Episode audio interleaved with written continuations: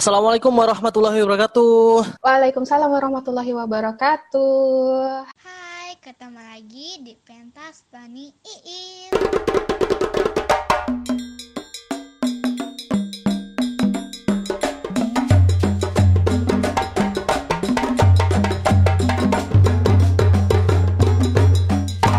Semangat pagi. Pagi, Pagi, pagi. pagi, pagi. Aduh, aku semangat banget nih. Selamat datang kembali di Pentas PNS Cerita Integritas. Alhamdulillah kita ketemu lagi ya dengan teman Ya. cerita di mana pun dan dengan ak- aktivitas apa pun sembari Hmm. mendengarkan podcast pentas ini. Semoga teman cerita senantiasa sehat selalu ya. Ya, dan yang lagi dengerin podcast Pentas ini sambil beraktivitas yang lain, tetap utamakan keselamatan ya. Yang lagi nyetir semua di jalan, tetap fokus berkendara.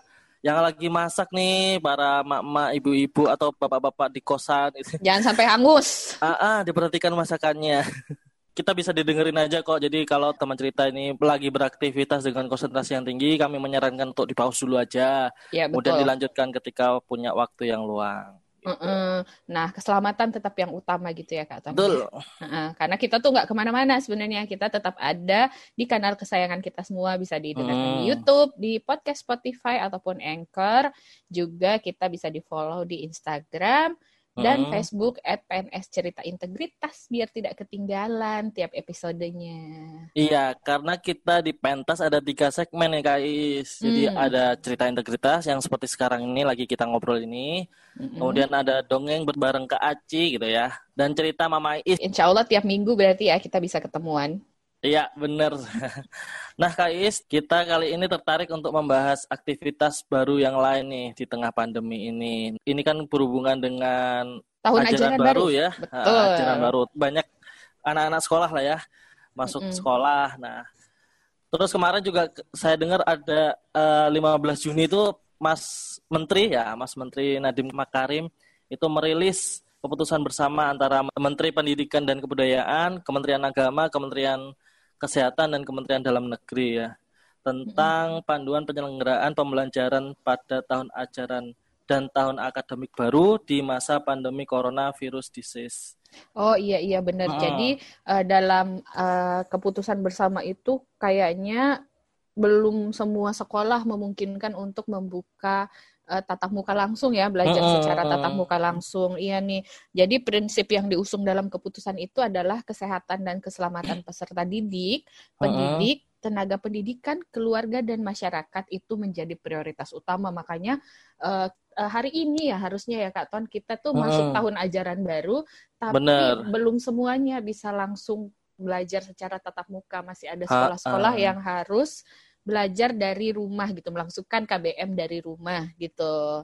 Nah, sebelum memulai pembelajaran tatap muka itu ternyata dalam eh, dalam keputusan bersama ini ada asesmen berlapis Kak sebelum memulai Mm, Oh, mm, mm. sekolah itu pertama wilayahnya harus zona hijau dulu nih. Kemudian Pemdanya juga harus memberi izin kepada satuan pendidikan. Kemudian satuan pendidikan juga ternyata ada list yang harus Checklist. dipenuhi ya, yang harus dipenuhi, diperiksa dengan benar-benar kesiapannya juga. Kemudian yang terakhir orang tuanya atau wali muridnya juga harus mengizinkan gitu ya, putra putrinya belajar belajar. Jadi kalau ternyata orang tuanya tidak mengizinkan atau wali muridnya juga tidak mengizinkan juga tidak dilaksanakan. Mm-mm. Sama ini ya Kak Ton, kemarin tuh aku Hmm. ingetnya berjenjang gitu dimulai dimulai dari tingkatan paling atas SMA Mm-mm. sama SMP dulu nih kalau udah mulai zona hijau boleh masuk terus dua bulan kemudian baru eh, tingkatan SD-nya nih boleh masuk gitu jadi sambil dilihat perkembangan kasusnya apakah Mm-mm. daerah itu masih tetap di zona hijau atau enggak memang benar-benar berarti eh, memperdulikan mementingkan keselamatan Keselamatan. semua masyarakat ya jadi baik Mm-mm. dari siswa guru maupun orang tua tuh sangat diperhatikan dalam kebijakan ini gitu. Ya, ini yang menarik Kak. Jadi yang episode kedua kemarin kan kita membahas tentang bekerja dari rumah, kemudian Mhm. bekerja dengan cara yang baru. Mm-mm. Nah, umumnya sih kalau orang dewasa bekerja itu penyelesaiannya lebih mudah ya, jadi lebih enak gitu. Tapi kalau kalau belajar di rumah ini kan kalau tingkatan SD menurut saya juga asik juga perlu Mhm. penyesuaian gitu. Tantangan sebenarnya. Jadi banyak penyesuaian khususnya untuk anak-anak gitu. Kalau menurutku nggak hanya belajar soal pendidikan formal ya, Formalnya pelajaran aja. formal, tapi anak-anak juga perlu dibekali sama pendidikan karakter begitu. Jadi, mm-hmm. nah ini yang ini yang mungkin menjadi tantangan bagi pendidik-pendidik kita, khususnya malah sekolah dasar karena mungkin umur-umur uh, anak-anak di sekolah dasar tuh golden age gitu ya, yang hmm. Benar-benar uh, perlu banyak uh, asupan untuk pendidikan karakter. Iya betul. Nah untuk itu ya episode keempat kita ini kita kedatangan seorang guru sekolah dasar Avicenna ya. Oke. Okay. Ini lulusan terbaik 2014 dari Universitas Sultan Ageng Tirtayasa. Wow. Wadaw. Seorang pengajar muda Indonesia mengajar yang penempatannya di Nunukan. Guru berprestasi 2019. Wah. Wah, Keren sekali ini langsung guru berprestasinya kita hadirkan ke sini buat bincang-bincang. Enggak hanya itu, ternyata juga aktif berorganisasi ya di TBM Anak Desa dan Langkah Kecil Banten. Wow. Aduh. Jadi sebelum mulai kita mau uh, uh, disclaimer dulu nih, hmm. apa pun yang kita perbincangkan nanti di sini, segala uh, yang kita bahas itu merupakan uh, opini pribadi dan berdasarkan pengalaman pribadi. Oke. Okay. penasaran penasaran udah nggak sabar nih langsung kita sapa aja. Oke okay, kita sapa aja ya. Assalamualaikum Kak Siti Bagja Muawana. Waalaikumsalam Kak Tony dan Kak Jiza. Halo Kak Bagja. Halo. Bener ya Hai. namanya Kak Siti Bagja Muawana ya? Ya bener banget. Gimana kabarnya Kak? Sehat? Alhamdulillah sehat. Boleh dong kenalan dulu sedikit Kak Bagja sebelum kita ngobrol-ngobrol lebih lanjut. Hmm. Mm-hmm. Uh, namaku Siti Bagja Muawana, uh, biasa dipanggil hmm. Bagja. Saat ini bekerja di Sekolah Avicenna Cinere. Hmm. Kemudian karena sedang WFH jadi uh, ngajarnya via daring dari rumah di Serang gitu. Wah. Mungkin cukup segitu ya perkenalannya. Uh. Tadi dikatakan mengajar daring nih Kak Tony. Hmm. Jadi bisa nih langsung kita ngobrol-ngobrol ya soal apa yang ingin kita sharing hari ini. Bener kan kita pengen tahu nih tentang belajar daring anak sekolah tuh harusnya tuh gimana sih baiknya. Nah, kakak cerita dong selama pandemi kemarin bagaimana menjalani proses belajar mengajar dengan siswa-siswanya Kak Bagja. Hmm. Jadi selama pandemi ini uh, kami di sekolah itu mengajar dengan tuntutan kurikulum yang sama. Artinya hmm. kompetensi dasar dan uh, tuntutan-tuntutan lain seperti uh, leadership juga hmm. keagamaan masih tetap dilakukan uh, sebagaimana pembelajaran sehari-hari. Hanya okay. modenya saja yang diubah menjadi daring seperti itu, Kak. Lalu uh, pembelajarannya itu diefisienkan dengan pemangkasan waktu belajar. Jam hmm. efektif yang dipangkas bukan uh, apa namanya kualitas atau uh, apa namanya hal-hal lain gitu. Jadi durasi yang diperpendek. Hmm. Begitu Kak? Menarik ini kalau kualitasnya tetap dipertahankan, hmm. durasinya diperpendek, tapi hmm. tadi juga disinggung uh, tetap mengajarkan tentang leadership, keagamaan dan sebagainya. Nah itu gimana kak uh, cara mengajarkannya? Kalau di sekolah kan uh, enaknya karena kita bertemu fisik, terus guru juga bisa uh, memberi contoh langsung, langsung jadi kan bener. kerasa ya. Dan, tapi kalau daring itu bagaimana kak tantangannya? Hmm, kalau daring itu tantangannya adalah kerjasama dengan orang tua karena usia oh. SD itu kan usia yang butuh pendampingan. Jadi siswa tidak bisa dibiarkan lepas begitu saja mengelola dirinya sendiri. Terus uh, jadi sistem yang kami gunakan yaitu jadwal pelajarannya masih tetap menggunakan pelajaran seperti hari-hari normal.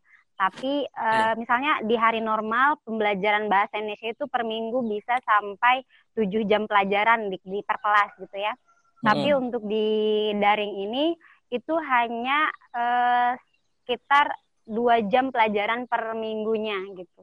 Jadi okay. uh, cukup signifikan memang, tapi kalau saya sih merasanya justru dengan uh, sedikitnya waktu yang disediakan itu kita jadi lebih hmm. mikir apa sih hal inti yang ingin kita sampaikan gitu. Jadi guru-guru lebih hmm, variatif menggunakan metode supaya tujuan dari uh, pelajaran yang ingin diberikan ke siswa itu tetap tercapai dengan durasi yang uh, minim seperti itu.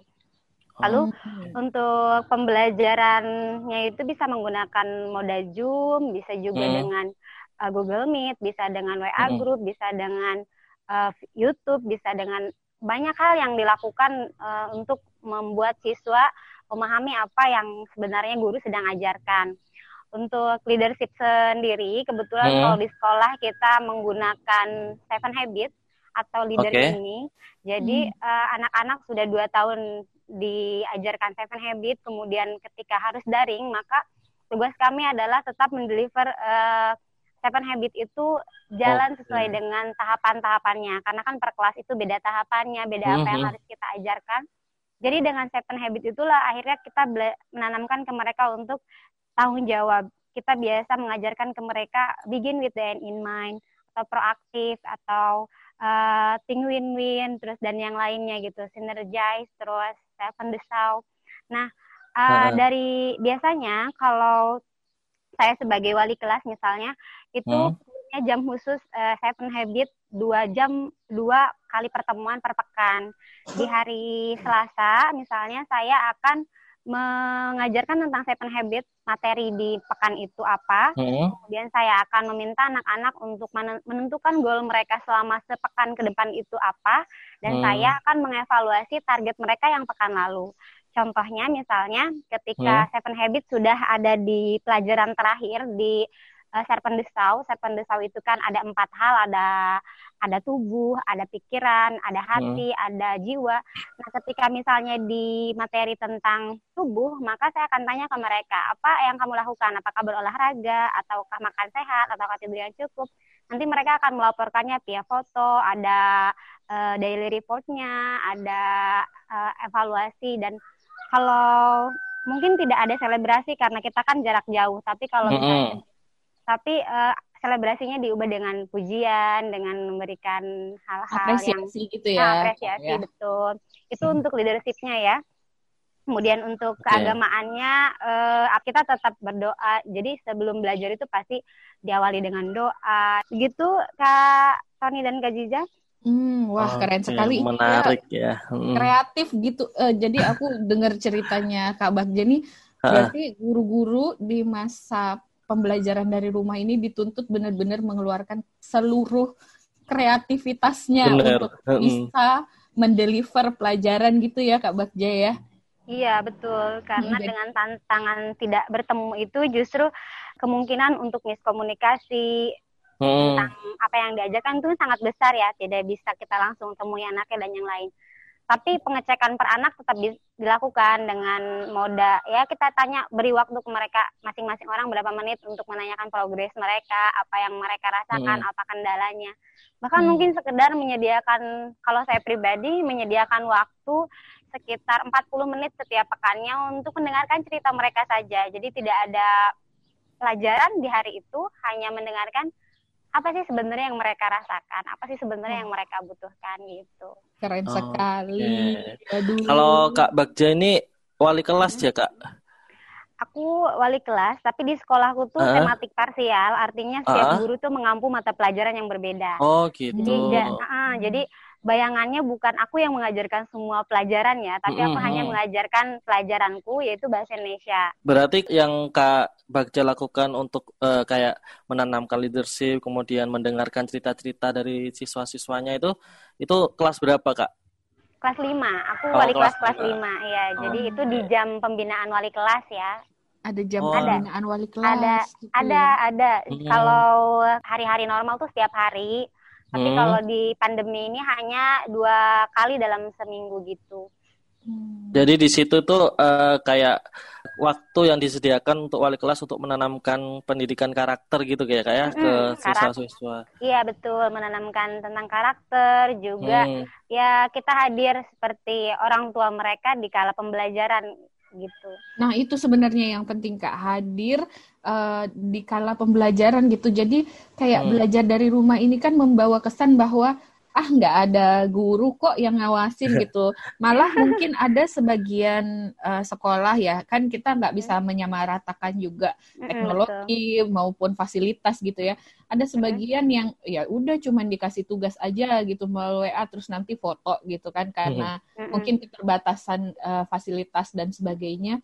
Uh, itu kan potensi untuk anak-anak itu menjadi tidak melaksanakan KBM sebagaimana mestinya itu kan makin besar gitu ya Kak iya. Bagja. Iya. Nah di sini kan berarti uh, guru-guru baik selain harus menjadi teladan juga harus punya mekanisme yang efektif gitu ya untuk mengawasi siswanya agar tetap bisa bukan dalam hal menerima semua teori yang harusnya mereka terima tapi tujuan dari pembelajaran itu tuh nyangkut ke mereka gitu loh Kak. Hmm. Jadi bukan hmm. cuma nilai di atas kertas tapi uh, tujuan yang diharapkan uh, outputnya outcome-nya itu bisa mereka dapatkan gitu. Uh, uh, nah gimana kira-kira tuh kak? Kalau sepengalaman saya selama tiga bulan ini ya karena saya tidak bisa berbicara secara umum karena maksudnya berbasis pengalaman. benar-benar. Kalau pengalaman kami monitoring dilakukan di setiap kali sesi. Jadi pergantian hmm. jam ajar itu jadi sistemnya kita menggunakan berbagai moda kan, tapi kontrol utamanya tetap WAG. Hmm. Jadi nanti setiap jam pelajaran itu wali kelas akan memasukkan guru yang bersangkutan ke grup kelas. Jadi di grup itu tuh ada orang tua, ada siswa, ada guru wali, ah, wali kelas, ada guru yang sedang mengajar di jam itu. Oh, nah, okay. ketika orang tua punya pertanyaan bisa langsung ditanyakan di jam itu, di grup itu. Ketika siswa punya pertanyaan juga sama, atau bisa langsung karena kan biasanya mereka menggunakan Zoom dulu, baru kemudian moda yang lain gitu ya. Jadi Zoom itu uh, seperti dibilang wajib enggak, tapi jadi kebutuhan hmm. ya, primer gitu di saat uh, belajar dari rumah. Betul. Nah, controllingnya itu adalah pertama di situ. Jadi wali kelas berperan penuh untuk memastikan guru hadir 10 menit sebelum jam pelajaran. Misalnya ada guru yang mengajar jam 8, maka jam 7.50 akan saya masukkan ke grup kelas. Okay. Jamnya selesai, ketika dia closing statement ya kita keluarkan ganti guru yang baru seperti itu. Terus guru mata pelajaran akan mengabsen anak-anaknya menggunakan link Bitly atau juga di apa namanya screenshot di Zoom. Uh. Jadi wali kelas akan mendapat laporan bahwa di jam pertama misalnya si A tidak hadir. Padahal dengan wali kelas hadir misalnya ya, di jam pertama ternyata dia tidak hadir. Hmm. Terus di jam kedua dia tidak hadir. Seperti hmm. itu kak. Jadi controllingnya bener-bener banyak dari wali kelas, dari guru, dari, guru, dari gitu. wakil kepala sekolah, kepala dan kesiswaan gitu. Jadi menurut saya sih sejauh ini ya controllingnya berjalan dengan baik. Kan orang tua juga kadang-kadang curhat lah lewat curhatan-curhatan itu kita bisa tahu sebenarnya keadaan siswa itu gimana. Betul, keadaan di sekolah gimana gitu ya. Dan, iya betul da, uh, dalam proses belajar dari rumah ini keterlibatan guru, siswa dan orang tua juga keteladanan dari guru dan orang tua itu menjadi demikian penting gitu ya Kak ya hmm. agar siswanya tuh bisa dapat belajar secara optimal gitu. Betul sekali. Jadi sebenarnya kalau saya pribadi melihat pandemi ini sebagai sebuah kesempatan kesempatan Benar. untuk apa? Untuk mengembalikan fungsi pendidikan ya ke fitrahnya karena uh, saya termasuk orang yang percaya bahwa pendidikan utama anak-anak itu ada di dalam rumah. Jadi. Ya. uh, madrasah utamanya tentu saja ibunya gitu. Jadi hmm. uh, ketika peran pendidikan seperti sekarang, maka itu menjadi terlihat sekali kualitas mana ibu ibu yang sudah siap sehingga dia bisa bangga iya mis aku jadi senang bisa hmm. bisa menjalankan peranku sebagai madrasah utama dan nilai anaknya meningkat drastis terbukti di, PAT, di akhir PAT misalnya atau ada anak ya, ini kita tidak sedang berbicara benar salah ya cuma uh, uh. gitu ada juga uh, orang tua yang curhat iya mis dia nggak mau mandi. Kalau nggak saya kirimin fotonya ke mis belum mandi dia nggak mandi mandi tuh atau misalnya? Ya Miss dia nggak mau ngerjain soalnya Miss. Bahkan nggak mau baca uh, jadi pas uh, disubmit nilainya 45 baru deh uh, dia uh, gitu pokoknya. Jadi jadi pokoknya uh, ini menjadi semacam kesempatan untuk melihat sejauh mana sih keluarga-keluarga uh, siap dengan mendidik uh, putra putrinya sendiri. Ah. walaupun sebenarnya peran guru di masa pandemi ini kalau yang saya lihat masih masih jauh dominan di dalam pembelajaran ya. Mm-mm. Uh, ya dia menga- dia mempersiapkan pembelajaran, dia mengajarkannya, dia menyiapkan bahan evaluasi, dia mengevaluasinya, kemudian juga Mm. mendrill anaknya untuk sesuai dengan track yang sudah disiapkan gitu. Begitu sih Kak menurut saya.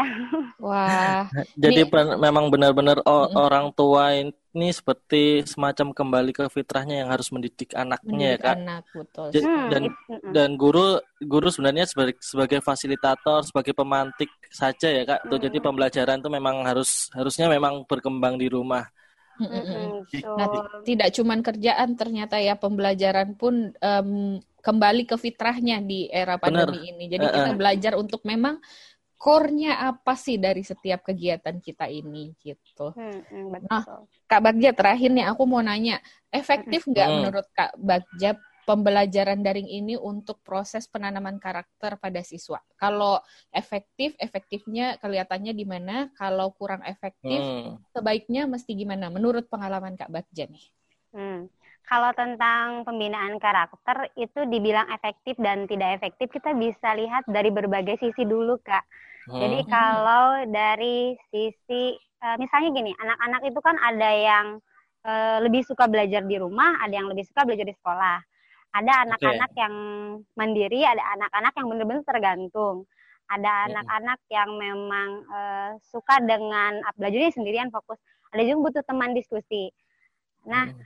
Di masa pandemi ini menurut saya efektivitasnya dilihat dari jenis-jenis anak yang tadi. Bagi anak yang memang tipikalnya dia mandiri, kemudian lebih senang dengan sendirinya, Hmm. eh, ini sangat efektif karena dia hanya perlu untuk menentukan target dia apa di pekan itu, kemudian dia akan Hmm. mengevaluasinya sendiri, dia akan bertanggung jawab dengan apa yang dia capai. Jadi eh, cukup signifikan untuk anak-anak yang seperti itu. Maka tidak heran ketika murid misalnya laporan, Miss aku targetnya ingin bisa mainin piano lagu ini. Pas ketika kan targetnya seminggu baru tiga hari dia udah aku udah bisa dong mainin tiga eh, dua Wah. tangan gitu loh. Oh bagi anak-anak yang seperti ini, ini hal kesempatan dia bisa mengeksplorasi apa sih sebenarnya yang ia- ingin ia pelajari ya kan. Nah Oke. itu karakter karakter yang saya maksud tuh seperti itu. Jadi dia menentukan Ah, target, ah. dia bertanggung jawab, dia eh, ya melakukan gitu. Kalau ingin bisa main piano, apa yang dia harus lakukan? Menyediakan waktu per harinya berapa jam misalnya kayak gitu. Minta tolong siapa, buka eh, link-link apa yang bisa membantu dia mencapai itu. Hmm. Tapi bagi anak-anak yang eh, belum mandiri, terus juga dia terbiasa bekerja sama dalam arti kerjasama yang butuh bantuan orang lain untuk melakukan itu, Hmm. ini sangat sulit. Kenapa sangat sulit? Karena akhirnya dia eh, hanya melakukan semuanya demi laporan. laporan. Oke. Ya. Jadi eh, apa target kamu? Oke Miss ini terus bas tiga hari kemudian nanti saya akan tanya kan tidak ada persiapan. Nanti Hmm. saya tanya target kamu apa? Aku lupa Miss target aku apa. Terus saya hanya senyum terus sambil mikir, oke kamu menentukan target tahu kamu lupa gimana kamu akan mencapainya gitu ya. Tapi didengarkan dulu nanti kamu bisa apa setelah itu baru dibimbing oh nah coba kamu ambil lagi kertasnya kamu lihat lagi targetnya setiap pagi supaya tidak lupa. Terus dievaluasi setiap siangnya menjelang sore atau sebelum tidur gitu. Jadi ya variatif sih efektivitasnya kak. Tergantung dengan eh, anaknya tergantung dengan daya dukung orang tuanya tergantung dengan eh, kemampuan dia mengikuti instruksi-instruksi yang diberikan dengan cepat via media gitu ya. Hmm, jadi memang efektif dan mungkin kesempatan emas ya bagi anak-anak yang memang sudah terbiasa mandiri terus su- suka berinisiatif sendiri gitu ya. Tapi Mm-mm. m- mungkin jadi PR yang besar juga buat para pendidik ini untuk memberikan pengajaran ke siswa-siswa yang itu yang butuh kerjasama, butuh orang lain untuk memicu dirinya gitu kan ya kak. Mm-mm, betul. Dan ada beberapa anak yang memang menjadikan rumah bukan untuk belajar untuk manja-manjaan. Jadi Ah, jadi eh, beberapa orang tua iya Miss kapan ya pandeminya eh, berakhir? Ini anakku kalau di rumah tuh pengennya manja-manja terus bukan untuk belajar. Padahal kalau di, di sekolah dia termasuk anak yang maksudnya menonjol dibanding yang lain. Hmm. Oke, berarti treatment masing-masing anak nih akan jadi berbeda gitu ya, Mm-mm, eh, Kak betul. Bagja. Dan mungkin eh, penggunaan media belajar untuk masing-masing anak juga bisa jadi berbeda tergantung de- Mm-mm. dari eh, karakternya mereka sendiri gitu ya. Mm-mm, betul. Jadi uh, tantangannya menjadi guru yaitu kita kita dituntut untuk memfasilitasi anak-anak yang berbeda, kebutuhan yang berbeda, terus juga tujuan yang berbeda-beda. Jadi Betul. perlu digarisbawahi bahwa anak-anak datang uh, ke sekolah atau mereka ikut pembelajaran formal di sekolah itu tujuannya juga beragam ternyata kak. Iya benar. Iya benar-benar. Ada yang ke sekolah memang untuk mengejar keterampilan ya hmm. pendidikan misalnya keterampilan dalam arti nilai uh, prestasi lomba-lomba di non akademik tapi hmm. ada juga beberapa anak yang memang dia tuh sekolah untuk mencari teman untuk sosialisasi jadi nilai hmm. uh, prestasi itu menjadi hal yang tidak penting baginya maka okay. uh, eh, pandemi ini menjadi tantangan yang luar biasa bagi orang tua yang anaknya uh, punya motivasi belajar untuk sosialisasi dengan teman karena dia tidak mendapatkan itu huh? otomatis uh, dia tidak tidak dengan sigap ikut di proses pembelajaran karena tujuan utama dia tidak tercapai kan benar-benar gitu. benar-benar benar oke jadi uh, gitu ya teman cerita ternyata hmm. di masa-masa belajar dari rumah ini kecerdasan kognitif di atas kertas tuh di atas rapor gak cukup untuk menjadi bekal hmm. anak-anak kita. Kita kembali uh, menyadari core-nya pendidikan itu hmm. bukan cuma kecerdasan kognitif tapi pendidikan karakter juga sama pentingnya untuk ditanamkan kepada anak-anak bahkan sejak kecil dan proses belajar dari rumah yang saat ini dilaksanakan menjadi kesempatan yang baik untuk menanamkan nilai-nilai tersebut, pendidikan karakter tersebut seperti nilai kejujuran, kemandirian dan tanggung jawab kepada anak-anak hmm. kita. Karena karakter tersebut akan menjadi tabungan yang baik untuk membentuk sikap teladan yang tentunya sangat dibutuhkan saat mereka dewasa nanti. Nah, teman cerita itu tadi cerita kita tentang pendidikan karakter dalam pembelajaran di masa pandemi. Terima kasih buat teman bincang kita kali ini Kak Bagja. Terima kasih banyak Kak. Terima kasih Kak Bagja. Ya, sama-sama Kakak-kakak. memberikan wawasan baru ini. Iya, insight-nya sangat menyegarkan buat saya di pagi ini. Semoga sehat selalu ya Kak dan diberi amin, ya limpahan berkah. Amin. Amin, amin, amin. Kita juga sangat menerima masukan, saran, dan kritik. Hmm. Uh, teman cerita boleh memberi usulan topik, tema bahasan, dan bintang tamu yang bisa menemani kita di episode-episode berikutnya. Ya. Kirim saja segala masukan, saran, dan kritik ke email pnsceritaintegritas@gmail.com atau hmm. bisa direct message di Instagram dan Facebook kami at pnsceritaintegritas atau chat kami di mana Kak Ton? Di 0856 4686 9204. Terima okay. kasih semuanya. Terima kasih teman cerita semuanya. Sampai jumpa di episode berikutnya. Salam, Salam cerita, cerita integritas. Semangat, Semangat pagi. Pagi. Pagi, pagi, pagi, pagi, pagi. Assalamualaikum warahmatullahi wabarakatuh.